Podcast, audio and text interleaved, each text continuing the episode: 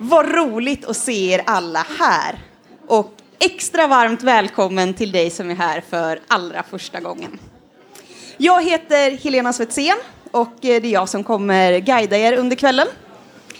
Vi som står bakom de här kvällarna är ett gäng kyrkor härifrån Göteborg som jobbar med unga vuxna. Och så är det också några andra kristna organisationer där jag ska nämna eh, Studieförbundet Bilda, tidskriften Nod och Räddningsmissionen. Vår längtan med Samtaloteket är att det ska få vara en plats för de här riktigt goda samtalen. Där vi kan få dyka ner och verkligen borra i det som kanske är det allra viktigaste i livet. Och att hjälpa varandra att liksom få till de samtalen. För det kanske kan vara lite svårt i vardagen att verkligen komma på det som är på djupet. Vi önskar att det här ska få vara en plats där det är högt i tak och man känner att man kan komma precis som man är oavsett av vilket sammanhang eh, man kommer från sen innan eller vad man har för tidigare erfarenheter. Och för att eh, få till de där riktigt goda samtalen så kan det vara lite saker som man kan behöva påminna sig om. Och en av de sakerna är till exempel att man pratar utifrån jag och, och sig själv. Att jag tänker och jag tycker istället för att säga ja, men vi tycker och vi tänker. För då kan det vara svårt att eh, komma med någon annan åsikt för då kan det ju kännas som att oj, hela gruppen här sitter och tänker någonting och är det bara jag som inte gör det? En annan sak som vi längtar efter att eh, Samtaloteket ska få vara är en plats där man kan få provprata. Och det betyder att man ska kunna få säga sina tankar och funderingar utan att man känner att det behöver vara färdigt. Och för att få till det så är det väldigt viktigt att när man säger då vad man tänker och funderar på att inte jaha, du är en sån, men då vet jag precis vad du är för någon och man blir inplacerad i ett fack. Så en bra fråga istället då skulle till exempel kunna vara jaha, spännande, berätta mer. För det gör att man kan öppna upp och känna sig, åh, oh, här blir jag lyssnad på. Eh. Den här terminens tema är tvärsäkerhet och tvivel. Och eh, den första kvällen här så hade vi David Turefjell som pratade om det existentiella smörgåsbordet. Där tog han eh, oss med på en resa genom Sveriges historia där vi har landat i att vi idag ganska mycket letar och plockar och sätter ihop våra egna svar på de existentiella frågorna. Den andra kvällen så hade vi Emma Frans här som pratade om fake news och alternativa fakta. Och där så borrade vi lite i frågan att vi idag vi frågasätter väldigt mycket. Eh, och så funderar över vad det är som lockar också i de alternativa berättelserna. Kvällens tema har istället en liten kväll om att hitta hem. Som de tidigare kvällarna har handlat om att eh, ja, men, vi letar och söker och kanske har en längtan efter det där tvärsäkra. Så ska vi istället få fundera över ja, men vad är det vi landar i och vad är det att hitta hem? Men innan vi välkomnar kvällens talare så ska vi få vända oss vid borden ungefär tre och tre och fundera över vart någonstans känner du dig hemma? Vart kan du vara helt avslappnad och dig själv? Och vad kännetecknar en sån plats? Ja, och då har vi då äran att få presentera dagens talare som är författare, programledare och eh, kulturjournalist. Erik Skylt.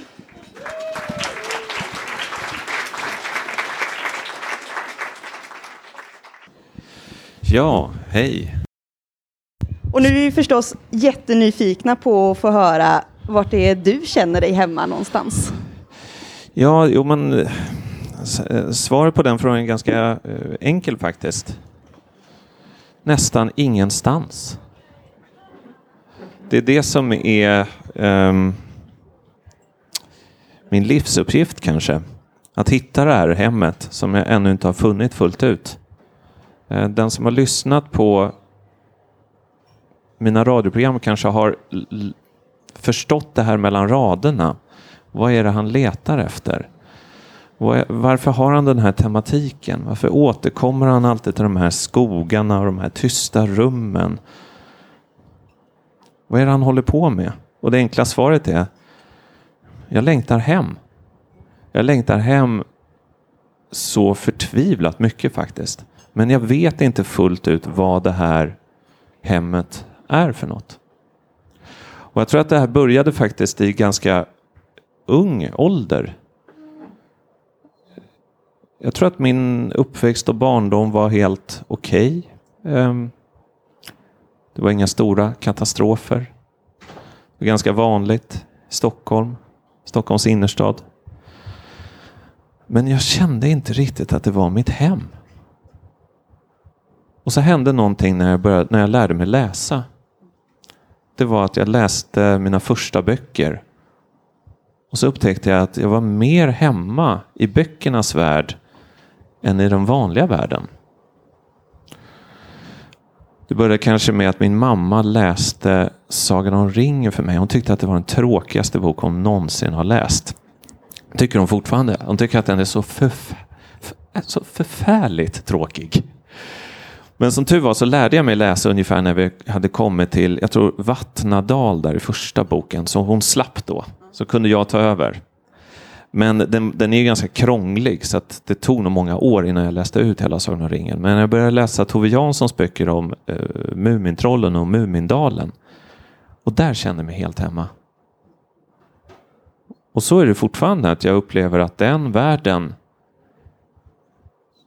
mycket mer är mitt sanna hem än den här världen. Jag är alltså mycket mer hemma i Mumindalen och deras blåa torn där de sitter där runt middagsbordet bordet runt en fotogenlampa. Och så har de sin lilla båt nere vid vattnet och så har de ett lusthus vid vattnet. Och så finns det här ön med den stora fyren dit pappan vill åka. I den världen är jag mer hemma än i denna värld. Och jag är då inget Mumintroll, utan jag är mig själv. Men då välkomnad av in i trollens värld. Så hur känner du att du har blivit påverkad av att ha den här längtan och att eh, söka dig någon annanstans då? Ja, det som är bra är att jag upptäckte i 25-årsåldern eller någonting sånt att jag kunde göra journalistik av det. Att jag kunde ställa frågor till andra jag mötte. Har du hittat hem? Hur ser din väg ut? Uh, och det blev ofta ganska bra samtal. Och sen så kunde jag också när jag fick så fria tyglar att jag helt kunde tala fritt som jag gör i mina musikprogram som går varje helg. Uh, då kunde jag verkligen blomma ut och väldigt många av, av de här avsnitten har ju en tem, teman som gå vilse, längta hem, hitta sitt hem. Egentligen skulle man kunna säga att en stor del av världslitteraturen handlar om det här också. Och egentligen skulle man kunna säga att nästan alla amerikanska storfilmer handlar om det också. Det lilla tillägget att ofta så är det att i de här berättelserna att det finns ett hem i början. Men sen så förlorar man det. Och ska man söka sig tillbaka? Jag vet inte riktigt vad det är jag har förlorat. Men det här är också som jag liksom både som barn och i vuxen ålder hamnar i, i jag hamnar lätt i Bibelns värld. Vad är det här för berättelse? Jo, det är ju berättelse om ett förlorat hem. Det fanns ju ett hem i början som kallades för Eden där människan då blev fördriven men Eden är ju faktiskt inte försvunnet. Det står aldrig någonstans att Eden är borta. Det är bara väldigt, väldigt svårt att komma dit. Så att på någon typ av psykologiskt, mytologiskt plan så letar jag nog efter den här, den här eden. Det tror jag. Men som jag har förstått det så är du inte uppväxt i en eh, kristen familj. Så hur hittade du Bibeln eller vad var det som gjorde att du började leta där? Ja, det är en bra fråga. Nej, eh, nej inte... Eh, jag gick hos en dagmamma och så gick vi på så här kyrkans barntimmar. Eh, det är nog, enda orsaken att vi gick dit var nog för att det var gratis. Eh, och jag tror inte de andra barnen brydde sig någonting om vad som sades där. Men det var ändå lite sådär, de kallade det sagostund. Men, men det var ju att det var någon präst eller någon i den här församlingen som läste ur Bibeln. Och de där berättelserna minns jag ganska starkt. Det var någonting som satte sig då. Men jag kan inte säga att det var en religiös upplevelse för det var ju exakt samma upplevelse som med Mumintrollen eller med Sagan om ringen eller med Narnia-böckerna. Jag upplevde det som en väldigt, väldigt stark saga. Men för mig har sagan alltid varit den verkliga världen. Och det där försökte jag tillämpa sen i vuxen ålder. Att tänk om de här gamla berättelserna är verkliga, precis som Mumidalen för mig är verklig. Tänk om de går att träda in i. Och då blev just den här första, alltså den första första berättelsen i Bibeln om Eden, det förlorade Eden, den blev starkast för den hängde ihop med min hemlängtan. Och till det så finns det också några sådana här, det har jag berättat om i lite olika sammanhang, men jag kan säga det igen. Eh, några upplevelser som man skulle kunna kalla för sådana här eh, mystika upplevelser, fast det är inte något dramatiskt egentligen. Men för mig då, jag jobbar ju med, eh, mycket med musik och jag tycker att jag är känslig för musik. Alltså, vissa är ju känsliga för, för andra konstformer eller, eller andra intryck, men jag har nog ett väldigt känsligt musikhjärta. Jag påverkas väldigt starkt av musik. Och flera gånger under mitt liv har jag mött musik och så fort jag har hört den så har jag känt, nej men den kommer ju från platsen som jag också kommer ifrån. Det är ju som den här musiken som den här musiken låter, så ser jag ut inuti. Som den här musiken låter, så, så är jag helt enkelt. Skulle du vilja utveckla det? Det blir jag ju nyfiken på. Att, uh, har du... Ja, men det här. Vad är det som finns där inne som du liksom upplever att du hittar? Ja, vad, ja exakt. Vad är det? Det är mycket, mycket mystiskt. Men, men om man säger så här då. Eh, I 20-årsåldern, man har ju olika perioder i livet där man är mer eller mindre känslig. Men jag hade en sån känslig period i 20-årsåldern. Flytta hemifrån. Eh, min första tjej gjorde slut. Eh, eller hon flyttade i alla fall till Frankrike. Eller, ja, hon gjorde slut. Men jag sa till alla att hon bara hade flyttat till Frankrike. Men hon gjorde slut Flyttade hemifrån och då i samma veva så eh, eh hittade jag Arvo Pärts musik. Och hans musik har betytt väldigt mycket för mig. Och det var nästan som att det på ett ögonblick, jag gick in på bibliotek, bara tog ut en skiva av måfå från deras musikbibliotek, satte hörlurar på huvudet och hörde då ett musikstycke och direkt, den här musiken kommer från den platsen som jag längtar till. Men inte bara det, utan den här musiken är som jag innerst inne är. Och den här musiken är också ett svårt ord, men det kändes som att den var helig. Och att den kom från en annan värld. Och eh, sen dess så har jag då letat efter ett rum i denna värld som liknar det rummet som slås upp inom mig när den här musiken börjar ljuda. Det känns som att eh, du pratar om att liksom hitta och leta inuti, hitta hem där. Eh, för mig har det ofta varit att eh, man har försökt hitta hem och när någon frågar ah, men, vem är du så säger man sin identitet utifrån ah, men, jag är utbildad förskollärare och jag gör det här och man har det här betyget. Och så är det liksom de här väldigt säkra sakerna som man kan säga som på något sätt är, ja men det här är jag. Och så hände det någonting med en då. Jag till exempel blev helt sjukskriven och fick vara hemma. Och vad hände med mig då när jag inte hade det här jobbet? Eller eh, när man inte kunde, jag bröt båda armarna och kan inte göra någonting. Vad händer med mig då när jag inte kan göra saker längre? Vem är jag då? Eh, men det känns som att du letar inte efter det, liksom det här säkra och säga att det här är jag, utan du hittar vem du är i något annat då. Ja, nej men alltså problemet är ju att jag kan ju säga det här nu, här, för att jag är inbjuden här. Och så inser jag att det kanske finns ett visst typ av intresse. Men jag kan ju inte säga till i mitt vanliga liv att jag egentligen hör hemma i Mumindalen. Det går inte. Då måste jag säga att jag är journalist eller kommer från Stockholm eller är 39 år gammal eller... Så jag brottas ju med det också. Och det är ju klart att, jag menar, det här är någon kamp för oss alla. Jag har också varit sjukskriven och eh, förlorat jobb och vem blir jag då? Och, eh, men det man inser då i de stunderna det är ju att eh, det enda som är egentligen konstant är den här inre världen. Den försvinner ju faktiskt inte jobbet och framgången, det kan ju vara över på en dag. Eh, men den här inre världen, den är faktiskt bestående. Jag är, det är samma längtan i alla tider. Sjuåringen, tolvåringen, tjugoåringen, trettioåringen, trettionioåringen. Förhoppningsvis även 40-åringen kommer ha samma längtan. Den, den, är, den är konstant.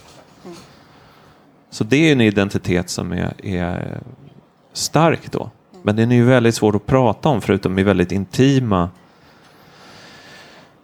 sammanhang egentligen. Eh, så att det här har gjort att jag känt mig väldigt, väldigt ensam också. Vi har fått eh, in en fråga här där det står, finns det en risk att eh, du får din identitet i att vara någon som letar efter sitt hem? Nästan blir rädd att hitta hem. För vad ska du då till exempel göra som journalist om du skulle hitta det här hemmet? Ja, det är mycket bra. Vem, får man reda på vem som har skrivit den? Det, nej, det är en väldigt klar, klarsynt fråga faktiskt. Uh, för att jag, eh, jag, det där brottas jag jättemycket med. Jag har ju Alltså de senaste fem åren så har den här vandringen kanske fått lite mer eh, kristna förtecken. Mm. Jag blev inbjuden till det här slottet Bjärka Säby för fem, sex år sedan. Mm. Som talare om vad ämnet? Människan och maskinen tror jag. Alltså inte, inte ett jätteandligt ämne, men jag kände direkt när jag kom dit så här. Nej men, det är ju nästan som ett stycke av Arvo Pärt. Jag hör ju hemma här.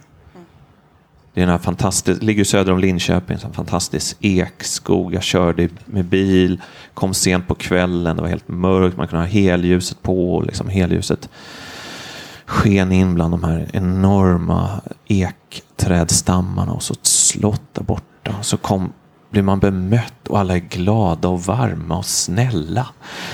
Eh, så är det inte bland journalister kan jag avslöja. det är mer, vad gör du här? Men eh, här var, eh, jag var liksom, kände mig välkomnad. Och sen har jag återvänt till den här platsen eh, många, många gånger.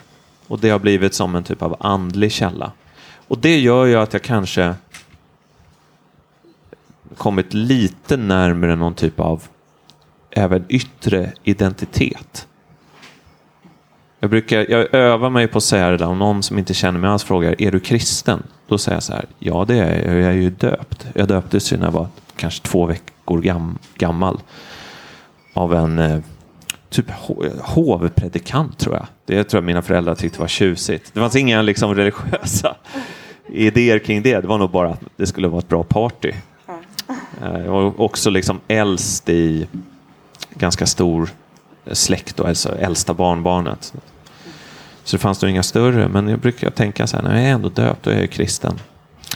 Men det, det, det, är sant att den, en sån typ av tydlig identitet eh, stänger ju väldigt många eh, dörrar, särskilt i det här yrket.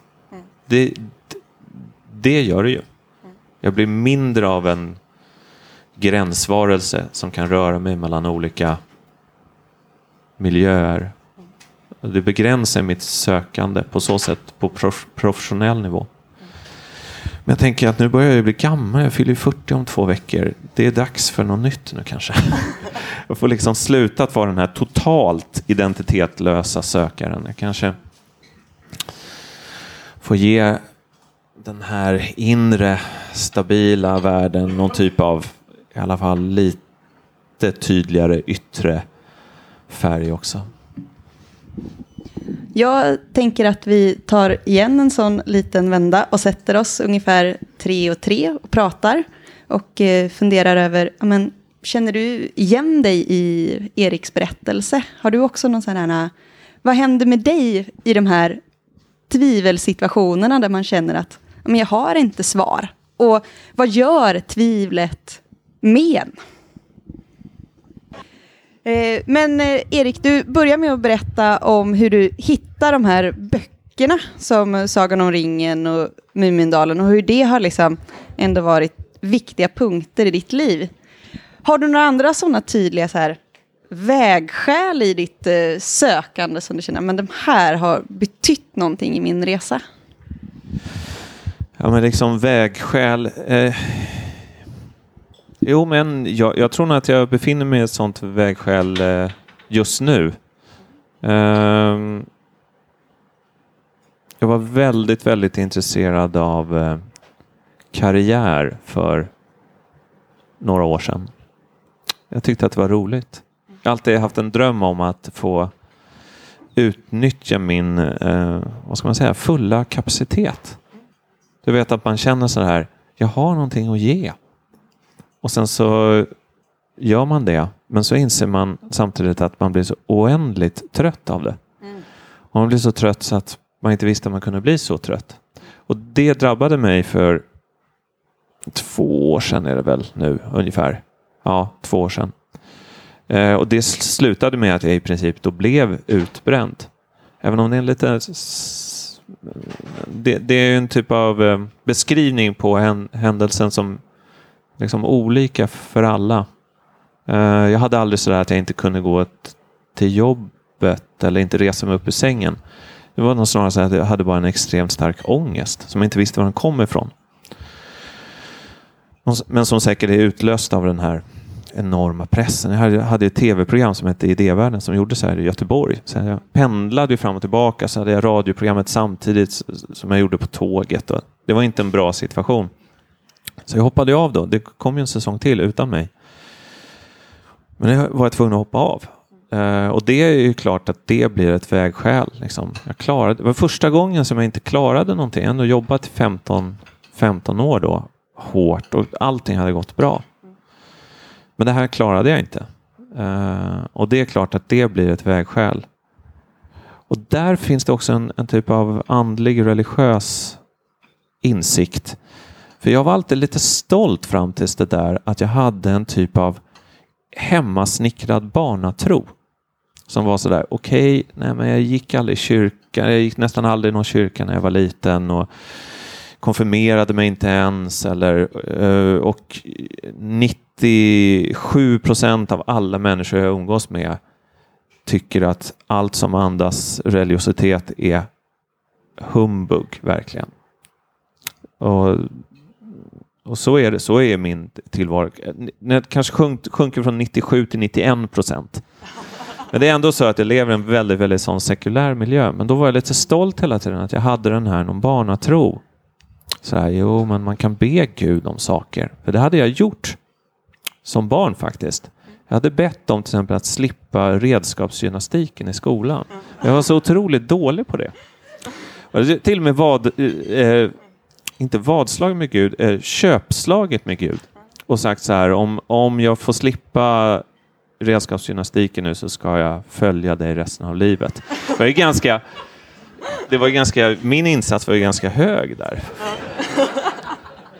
Men undret skedde också och just den dagen så blev då den här gympaläraren sjuk. Så jag såg det som ett tecken och så där har jag hållit på fram i vuxen ålder också. Så där typ av väldigt avancerat magiskt tänkande. Att sådär, jag ber Gud att det här, den här tv-inspelningen ska gå bra. Och om jag då är, är skötsam och duktig så kanske den gör det. Och så, Oj, det gick bra. Ah, Gud ser mig. Men vad händer då när det inte går bra? Och man blir deprimerad och får ångest som jag då fick. Det är ju att den gudsbilden faktiskt inte håller. Och det har nog varit ett vägskäl. Eh, för då blev ju den här då barnatron prövad. Och det visade sig att den icke var hållbar. Jag var inte utvald. Jag var inte en som skulle slippa lidande. Jag hade ju hoppats det. Att jag var speciell. Att jag inte behövde gå igenom det där. Men så var det inte. Så vad hände då på andra sidan? För jag utgår från att du inte är eh, utbränd just nu. Alltså om sanningen ska fram så är, är jag nog lite utbränd eh, fortfarande. Men eh, jag är också så här egenföretagare så att det är så fruktansvärt svårt att vara sjukskriven längre perioder. Eh, så jag var borta sex veckor och sen så gick det inte längre. Eh, så jag hankar mig fram. Men eh, jag tycker att jag har en plan. Jag jobbar inte lika mycket som förut. Jag tycker jag känner av när det liksom går överstyr. Och jag har väldigt ett minutiöst schema för hur jag ska komma till eh, hur jag ska liksom få bukt med det här. Så det är bättre, men, men jag, jag tror inte jag skulle kunna gå in i en tv-produktion just nu till exempel. Det skulle jag inte klara. Du nämnde också tidigare när vi pratade att eh, du upplevde att människor som har varit på botten, verkligen varit längst ner, är kanske de som har hittat hem allra, allra mest. Skulle du vilja berätta något om det? Ja, men det, det, det kan jag göra till en, en kristen insikt där. Jag, eh, jag, tillhör, i Stockholm så tillhör jag eh, Katarina församling. Eh, jag bor i Katarina församling. Eh, så att, och då är jag med i den. Jag är med i Svenska kyrkan. Så att jag är med i Katarinaförsamlingen. Det är ju Svenska kyrkans stora framgångsförsamling. Mm. Eh, den mest besökta gudstjänsten i hela Sverige inom Svenska kyrkan. Så det är kanske så 700 där varje, varje, varje söndag. Och jag gick dit rätt mycket för några år sedan och leds då av en kyrkoherde som heter Olle Karlsson. Som, hans story är att han är gammal alkoholist. Så blev han nykter och så gick han i AA-program och sen så gjorde han liksom kyrka av den AA-metoden ungefär med olika självhjälpsgrupper. Och eh, hans förkunnelse vecka efter vecka är ganska lik. Den är så här alla ni som är här, som är på botten, som har ett missbruk, som är brutna människor. Ni är älskade av Gud. Och då satt jag länge där så här, men vänta nu här. Om man har kommit förbi det där stadiet, om man inte är på botten, vad ska man gå då? Och prata med prästerna. Kan det inte finnas någon sån här nu kan jag Olles predikan. Kan det inte finnas en nästa nivå? Liksom? Lite mer avancerad liturgi kanske och lite mer rökelse och ja, men lite svårare bibeltexter. Så insåg jag ju efter många år då att jag är ju också en sån. Jag är också på botten. Inte hela tiden, men jag har ju det i mig. Jag är också förlorad. Jag är inte mer än de andra. Jag behöver inget svårare budskap än just det som kommer där vecka efter vecka. Och jag är framförallt inte utvald, jag är framförallt inte någon som då är skapad för att slippa lidande. Jag hade ju hoppats det. Där barnet höll sig kvar. Att, nej, nej, nej, jag vill inte gå dit. Så vad gör man med lidandet då? Det är ju en extremt svår fråga. Eh, jag har ju gått i mycket terapi för att komma till rätta med det här. Jag är jättedålig på att lida. Jag är alltså jättedålig på att vara sjuk också. Jag är jättedålig på att ha feber. Jag är jättedålig på att vara täppt i näsan. Alltså jag vill ha lindring direkt. Jag, jag är en sån här som blir beroende av nässpray. För att man tar det för mycket och efter ett tag så blir man täppt i näsan då för att näsan vänjer sig. Man står inte ut av att vara inte vara täppt i näsan så man tar det här. Så jag är väldigt, väldigt dålig på lidande. Och för mig så har det här den religiösa vandringen, den kristna vandringen har varit här att okej, okay, jag behöver någonting som erkänner konflikterna i mig. Mm. Och på Bjärka Säby då eh, så finns det en kommunitet som jag då har gått med i. Jag är, eller jag är bara novis. Får se om jag får vara med. Jag tror, jag tror att jag får vara med. Och då ber man salta salmerna varje dag. De är väldigt hårda. Eh, för de som inte har läst dem, så om man ska sammanfatta dem lite kort, så är de flesta, det finns ju några, så här, Herren nu min herde, alltså några hits som är lite snällare. Men, men man har en sån här tjock bok och det är alla salta salmer utdraget på fyra veckor. Eh, och eh, det är ungefär så här. Nummer ett. Gud, varför har du övergivit mig? Varför har du övergivit just mig? Vad har jag gjort för fel? Varför har du övergivit mig? Nummer två är Varför är alla ute efter mig? Jag hatar mina fiender. Gud, kan inte du döda mina fiender? Och det här är saker jag trodde var förbjudna. Jag trodde inte man fick tänka så eller känna så. Men i de här salta salmerna så har det blivit som ett jag ser dem som någon slags eh, ursprung till mycket modern psykologi. Mm. Att hitta ett rum där det förbjudna, alltså aggressiviteten, ilskan, övergivenheten, där det får finnas. Mm. Det har blivit otroligt starkt. Mm. Det är en typ av bön som är på en helt annan nivå då mm. än det här, snälla Gud, gör så att jag inte gör så att jag får slippa redskapsgymnastiken. Alltså det finns en helt annan ett helt annat allvar. Mm. Och det har, har, har blivit nästa steget. Jag, jag tänker om vi ska ta en, en tittarfråga. Ja. Eller en lyssnarfråga. Um, en fråga som, som står här är, eh, finns det en risk att du missar Eden på grund av allt ditt sökande? Du började lite från Edens lustgård där. Ja. Är det en risk? Ja, det är en stor risk. Det är det. Eh, alltså det, och den är ju kopplad till någon typ av högmod det här Katarina kyrka-upplevelsen var ju ett sätt att missa eden. Där då möter en förkunnelse som är väldigt eh, kristen på en enkel nivå. Du är på botten, men du är älskad ändå. Den typen av eden missade jag under väldigt, väldigt många år. Nu försöker jag ta, med, ta till mig den, men jag menar, jag kan säga att jag är till hundra procent kristen när det gäller att jag tror på, vad ska man säga, Bibelns berättelser. Absolut. Jag tror på liturgin, jag tror på kyrkan. Men för mig, är den, för mig är inte det den kristna kampen. För mig är kampen att på riktigt tro att jag är älskad på det sättet. Där, den, det är ju Eden förstås. Men där är jag inte. Men jag hoppas att kanske kommer dit en dag. Men skulle jag vara där, då skulle jag inte vara här. Då skulle jag bara flaxa runt som en fjäril av lycka. Eller, eller ja. I Mumindalen? Ja, jag vet inte. Jag vet, men, men jag, tror, jag har ju mött, mött några personer som, men de har också ofta varit på extremt utsatta. Och så möter de någon typ av nåd som förändrar allting.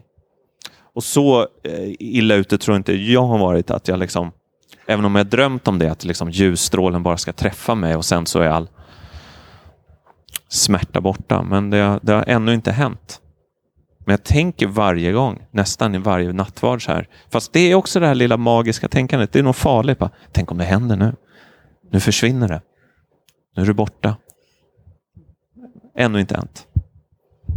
Vilket bra svar. Eh, ska vi bolla ut en fråga till eh, som ni kan få? Jag tänker på tre saker egentligen. För du nämner någonting superintressant tycker jag. När du berör att du hittar någonting låter det som. Lite mer robust, lite mer äkta. När du lämnade den guden som eh, där du slapp vara med på redskapsgymnastiken. Um, och jag tänker på många sätt att vi lever i en kultur som nästan till varje pris som helst är lite som du. Vi vill ha nässpray hela tiden. Um, och det är egentligen den första frågan som jag tänkte bolla ut här. Um, finns det någonting som vi, som, som, i smärta, i svårigheter, kan vi lära oss någonting utav sådana saker? Och lever vi i en kultur som är lite rädd för de insikterna? Var ni med på frågan? Lever vi i en kultur som är rädd för svårigheter och, och tuffa tider? Ehm, och går vi miste om någonting? Finns det något guld att utvinna ur det där? Ska vi ta tio? Ja, tio minuter för den frågan.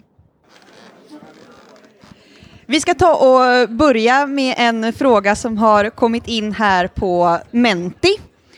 Ja, och en av de frågorna som vi har fått är om du hade varit DJ på Spybar, eh, hur går det ihop med Erik som får vi får lära känna i text och musik? Och eh, vad skulle du spela för musik där? Ja, men det är en mycket bra fråga. Alltså, människan är ju eh, eh komplex. Även jag. Ehm, jag tycker att jag fortfarande är den där eh, DJn på Spybar, eh, innerst inne. Ehm, jag var ju en lite udda fågel där också, förstås. Ehm, men jag fyller ju 40 om två veckor och ehm, min 40-årskris den började med när jag läste Hermann Hesses Steppvargen. Den som har läst den vet att det är en, jag tror han är 50 i den boken, men det är också en djup, djup kris. Och så inser han att han måste börja dansa igen. Han har förlorat glädjen. Det är alltså en man som vet, som han beskriver det själv, vet allt om det stora men ingenting om det lilla. Och eh, så är det ibland när man sitter och filosoferar och eh, tänker på teologi och kyrkor. Alltså man blir väldigt, väldigt bra på de stora frågorna men otroligt dålig på de lilla. Skulle du vilja ta ett exempel på vad som är en stor fråga och vad som är en liten fråga? En stor fråga är väl det här, vad hände där med Eden? Kan jag komma tillbaka? Eh, vem är Gud? Hur ska jag få ta del av nåden? Stora frågor. De små frågorna är kanske, vilken låt ska jag spela ikväll för att dansgolvet ska bli fullt? Det är ju en väldigt svår fråga också, men den har inte samma liksom, filosofiska eh, aura. Men då tänkte jag efter att ha läst den här Hermann Hesse Steppvargen att varför är jag deprimerad? Jo, men det är ju för att jag har slutat DJa. Jag måste börja igen. Så jag kontaktade faktiskt min gamla kompis som vi hade den här klubben tillsammans med. Så sa jag, vi är väl samma ålder, vi måste starta det här igen. Ja, men vi gör det. Så vi har sagt att vi ska göra det.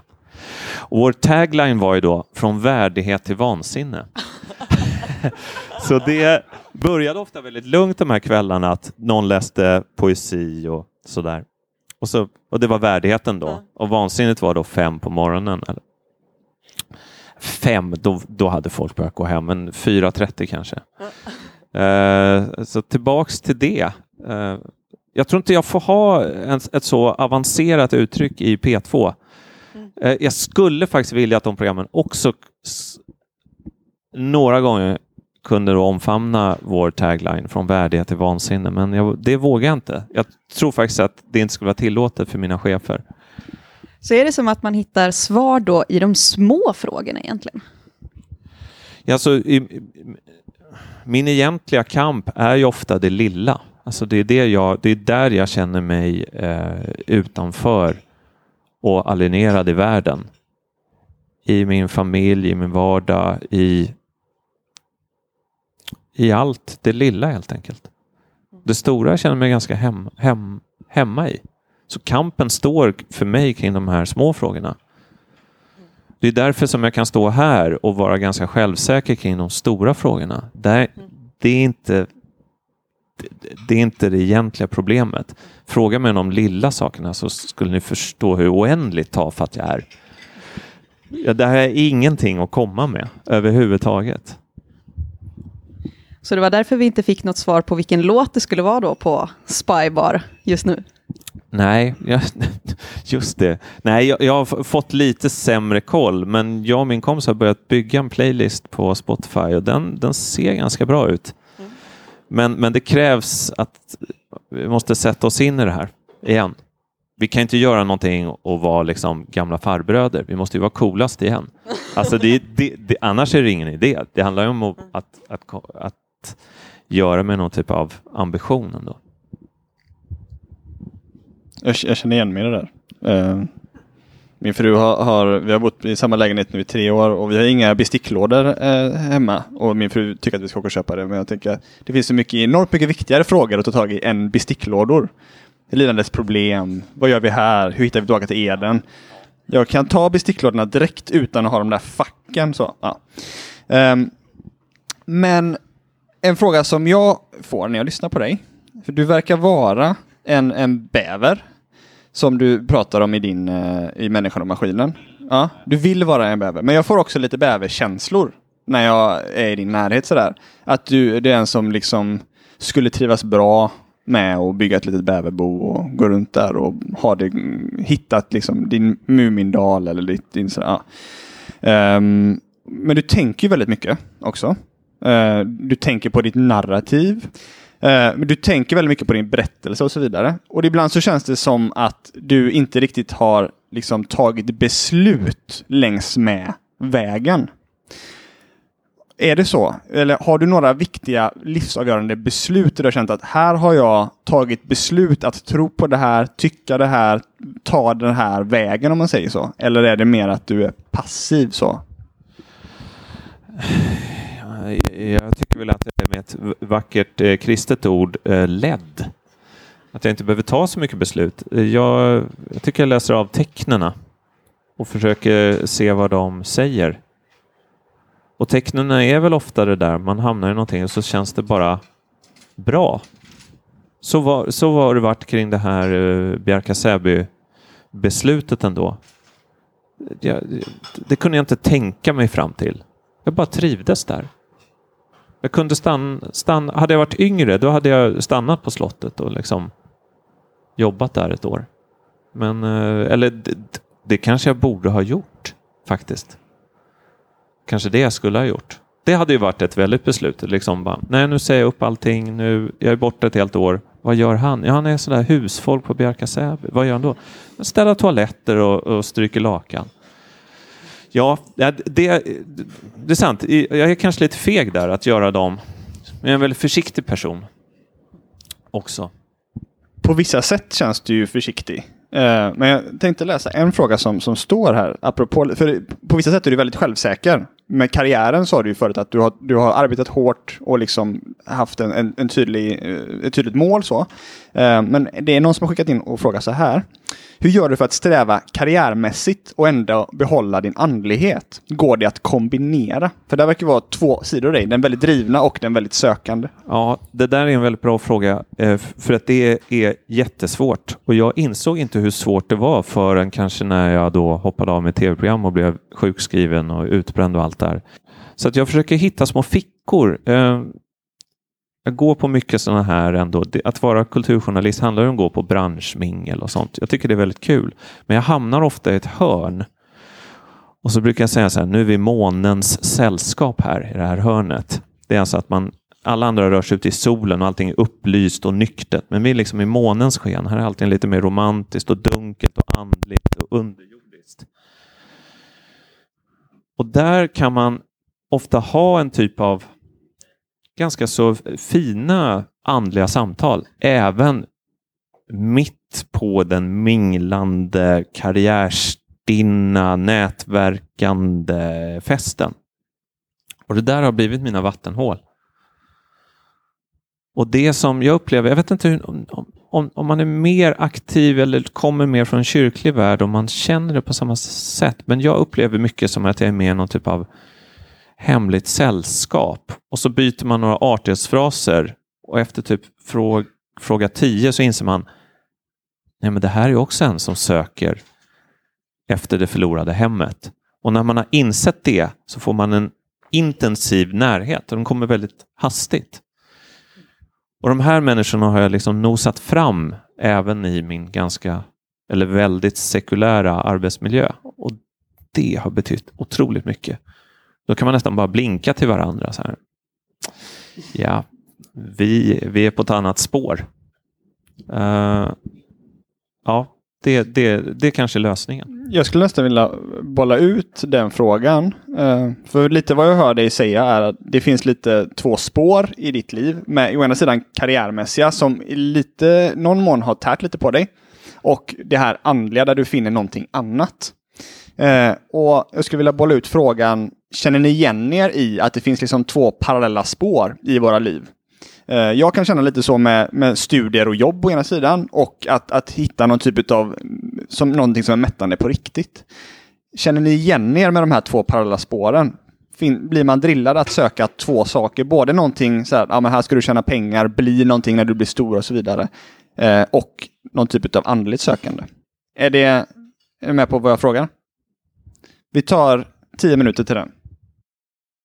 Och vi ska avsluta med en eh, sista fråga som har kommit in på Menti. Och eh, den frågan som skickades vidare till dig från Emma Frans som var här förra gången. Eh, men här på Menti sa vi, har du exempel på hur du startar en konversation för att det ska bli en mer djup andlig diskussion? Har du någon fråga som brukar öppna upp för sådana samtal? Svaret, svaret är ja. Eh, det har jag faktiskt. Eh, för att jag har ju varit tvungen att finkalibrera det här för att inte känna mig så ensam på alla de här minglerna och festerna. Eh, jag behöver någonting som liksom man kan säga till alla som är helt öppet. Det här kanske låter lite eh, barnsligt, men det funkar. Och det är så här. Vad är du för stjärntecken? Okej, vad är det som gör att folk öppnar upp på den? Det är ett mysterium. Det funkar. Eh, det för samtalet in i någon typ av ändå lite annorlunda bekvämlighetszon. Alla har någon gång tänkt på sitt stjärntecken. Och de som bara lämnar och säger Gud vad töntigt, det vill jag inte prata om. De kommer man aldrig få till det här andliga samtalet med. Så att det här har faktiskt varit eh, nästan eh, alltid en, en, en framgångsmetod. Sen stannar man ju inte där i stjärntecknen. Eh, utan det, det, det samtalet kan leda vart som helst. Men det är liksom den eh, minsta gemensamma nämnaren för alla hyfsat sekulära svenskar.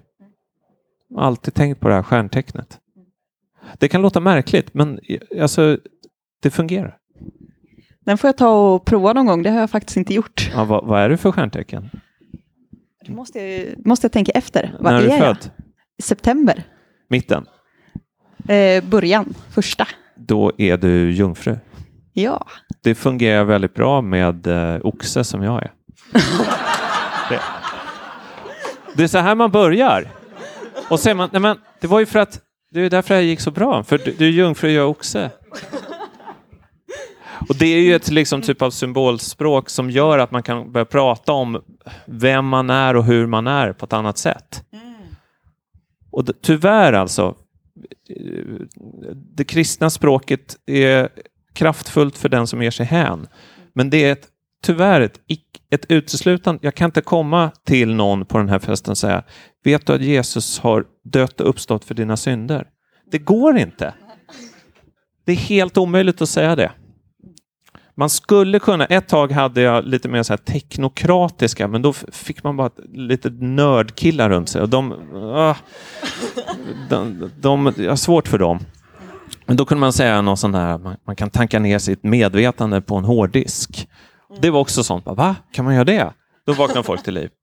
Men det här med stjärntecknen, för då by, man bygger något typ av relation också. Ja, du är det, du är det, du är det. Och sen så brukar då någon säga i steg två av den här rundan, "Nej, men jag har alltid haft en andlig längtan och det här har varit en del, en fas som jag gick igenom. Ja, vad hamnar du sen då? Hur ser det ut för dig? Sen är man inne i någonting. Spännande.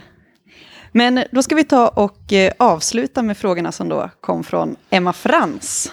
Och det hon eh, skickade med var, upplever du att det finns ett eh, motsatsförhållande mellan vetenskap och tro? Och under vilka förutsättningar kan de samexistera och finns det sammanhang när de inte kan göra det? Så det är egentligen tre, det är tre frågor. frågor. Det här är inte en journalist som har ställt den här frågan. Det är ju lämnar sig dag ett på journalistlinjen att man får inte ställa flera frågor i en, för då kan Göran Persson, när man intervjuar honom, välja den frågan som han tycker är enklast att svara på och skita i de andra. Eh, man ska inte heller svara, eh, ställa frågor som går att svara ja eller nej på, för att då så blir ju svaret väldigt kort. Upplever du att det finns ett motsatsförhållande mellan vetenskap och tro? Svar nej. Men sen, sen blir det bättre här. Under vilka förutsättningar kan de samexistera? Uff, då ska jag säga en väldigt bred fråga. Under vilka förutsättningar kan de samexistera? Eh, jag har aldrig sett det här motsatsförhållandet. Jag vet ju att det finns för väldigt många andra. Jag har aldrig känt det i mitt liv. Jag har aldrig funderat på eh, är det eh, bluff och båg att Jesus gick på vattnet? Jag kan till och med säga att han kanske gick på vattnet. Det är inte en stor, det är inte en stor fråga för mig. Jag, jag, jag, för mig har alltid den här typen av mytologi eller religiösa berättelser rört sig på ett plan som inte den vetenskapliga, naturvetenskapliga det tänkandet kommer åt. Och det är ett plan som helt enkelt är mycket sannare. Får jag bara sticka in den så här, om du säger att du aldrig har tänkt på det så. Jag tänker på för säsong ett där av Människan och maskinen, så pratar ni om medvetande. Ja. Och, och där låter det som att du är lite orolig att om man nu kan öppna upp din hjärna och peta lite och så Ja. får du en upplevelse, vad händer då? Är du en maskin då som inte har någon själ? Ja, Ehm, jag vet. Jag bluffade lite där för att det skulle bli ett bra program. Nej, jag har faktiskt inte... Det är klart att någon gång kanske jag också varit rädd när man läser vissa rapporter om väldigt avancerad hjärnforskning där det tyder på att man hittar som att jag har ett religiöst centrum i hjärnan och så stimulerar man där så får man religiösa upplevelser. Det är klart att där kan det komma en viss typ av kort tvivel. Men mitt tvivel handlar aldrig om sådana frågor. Mitt tvivel eh, handlar alltid om, älskar Gud mig? Jag tvivlar inte på att det står i texten att han gör det, men jag tvivlar på att jag har förmåga att känna det, att jag har förmåga att öppna mig för det. Det är min troskamp. Inte, eh, alltså jag, jag brottas aldrig med de här frågorna. Jag tycker också att de... Var någonstans skulle det finnas ett motsatsförhållande då? Om vi bara leker med tanken. Jag kan nästan inte komma på något. Är det skapelseberättelsen man tänker? Alltså, då måste man ju gå till en ganska avancerad bokstavstro och kreationism för att hitta den som menar att det på riktigt var sju dagar, eller sex dagar som jorden skapades på. Och så vilar Gud på den sjunde. Men den typen av bokstavstro dör ju för varje sökare som lär sig lite teologi och börjar förstå att Bibeln faktiskt är översatt. Och för att bli bokstavstroende, om man ska prata om Gamla Testamentet, måste man kunna hebreiska. Och hebreiskan i sig själv är så otroligt poetisk och mångtydig. Så att vara en bokstavstroende människa som kan hebreiska, det går nästan inte. Det är så mycket mångtydighet och paradoxer och språkliga lekar och eh, ordvändningar inbyggda i det. Så att det går inte. Och därför har jag heller aldrig fastnat i det. Men, men ja, om vi skulle hitta ett sånt motsatsförhållande. Det, och, ja, kanske det eviga livet då.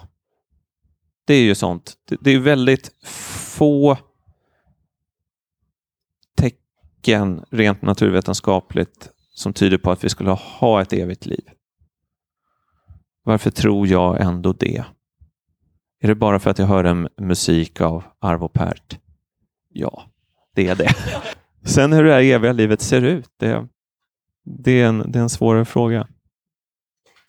Finns det några förutsättningar när de inte kan göra det? När de inte kan samexistera? Uh, ja, alltså, jag tror att det är ett problem när uh, naturvetenskapen ska ge svar på uh, andliga problem. Då blir det väldigt mycket det här som man hör i, i modern psykologi, på savannen. På savannen, Då var människan så här och därför har vi problem idag för att vi inte är på savannen. Eller som man ser i vardagliga, nästan varje dag i tidningen. Din hjärna vill en sak, men du själv vill någonting annat. Du måste tämja din hjärna. Som att hjärnan då var någon typ av extern sak, men viljan är någonting annat. Där tror jag man får väldigt mycket problem eh, i den typen av... Det, blir blir egentligen ett supermaterialistiskt tänkande. Det blir ju det där att människan är en maskin, men vi är så pass avancerade så att vi kan tämja den egna maskinen. För mig är det ett väldigt mycket enklare sätt att säga att människan har en själ. Det är mycket rakare svar på den existentiella funderingen. Och kanske sannare också. Tack. Eh, och som sagt, vi har ju en tradition av att man skickar en fråga vidare. Och eh, du ska få skicka en fråga vidare till eh, nästa termin. Ja, har frågan kommit till dig? Eh, ja, men jag tror jag hittar på en. Jag har ju en förebild när, när det gäller att ställa frågor. Alltså, man lär sig det som journalist efter ett tag att man ska gärna fråga det oväntade. Eh, där har jag faktiskt en Göteborgsprofil som förebild, Kurt Olsson. Han ställde ju frågan till Patrik Sjöberg. Vad är det lägsta du har hoppat? Det är väldigt bra för att han alltid får frågan vad är det högsta hoppat eller hur är det att ha hoppat 2,42? Men han vände på det. Vad är det lägsta du hoppat? Och då tänkte jag, finns det någon sån med eh, klimathotet? Ja, men kanske så här då. Vad är det bästa med klimathotet? Oh. Den ska bli spännande att höra Ja. svaret på. Tack Erik för att du har kommit hit och för allt du har velat dela.